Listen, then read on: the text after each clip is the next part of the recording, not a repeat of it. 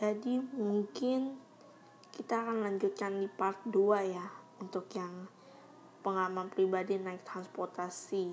Jadi kita akan bersambung lagi di part 2 karena gue agak sedikit lupa nih.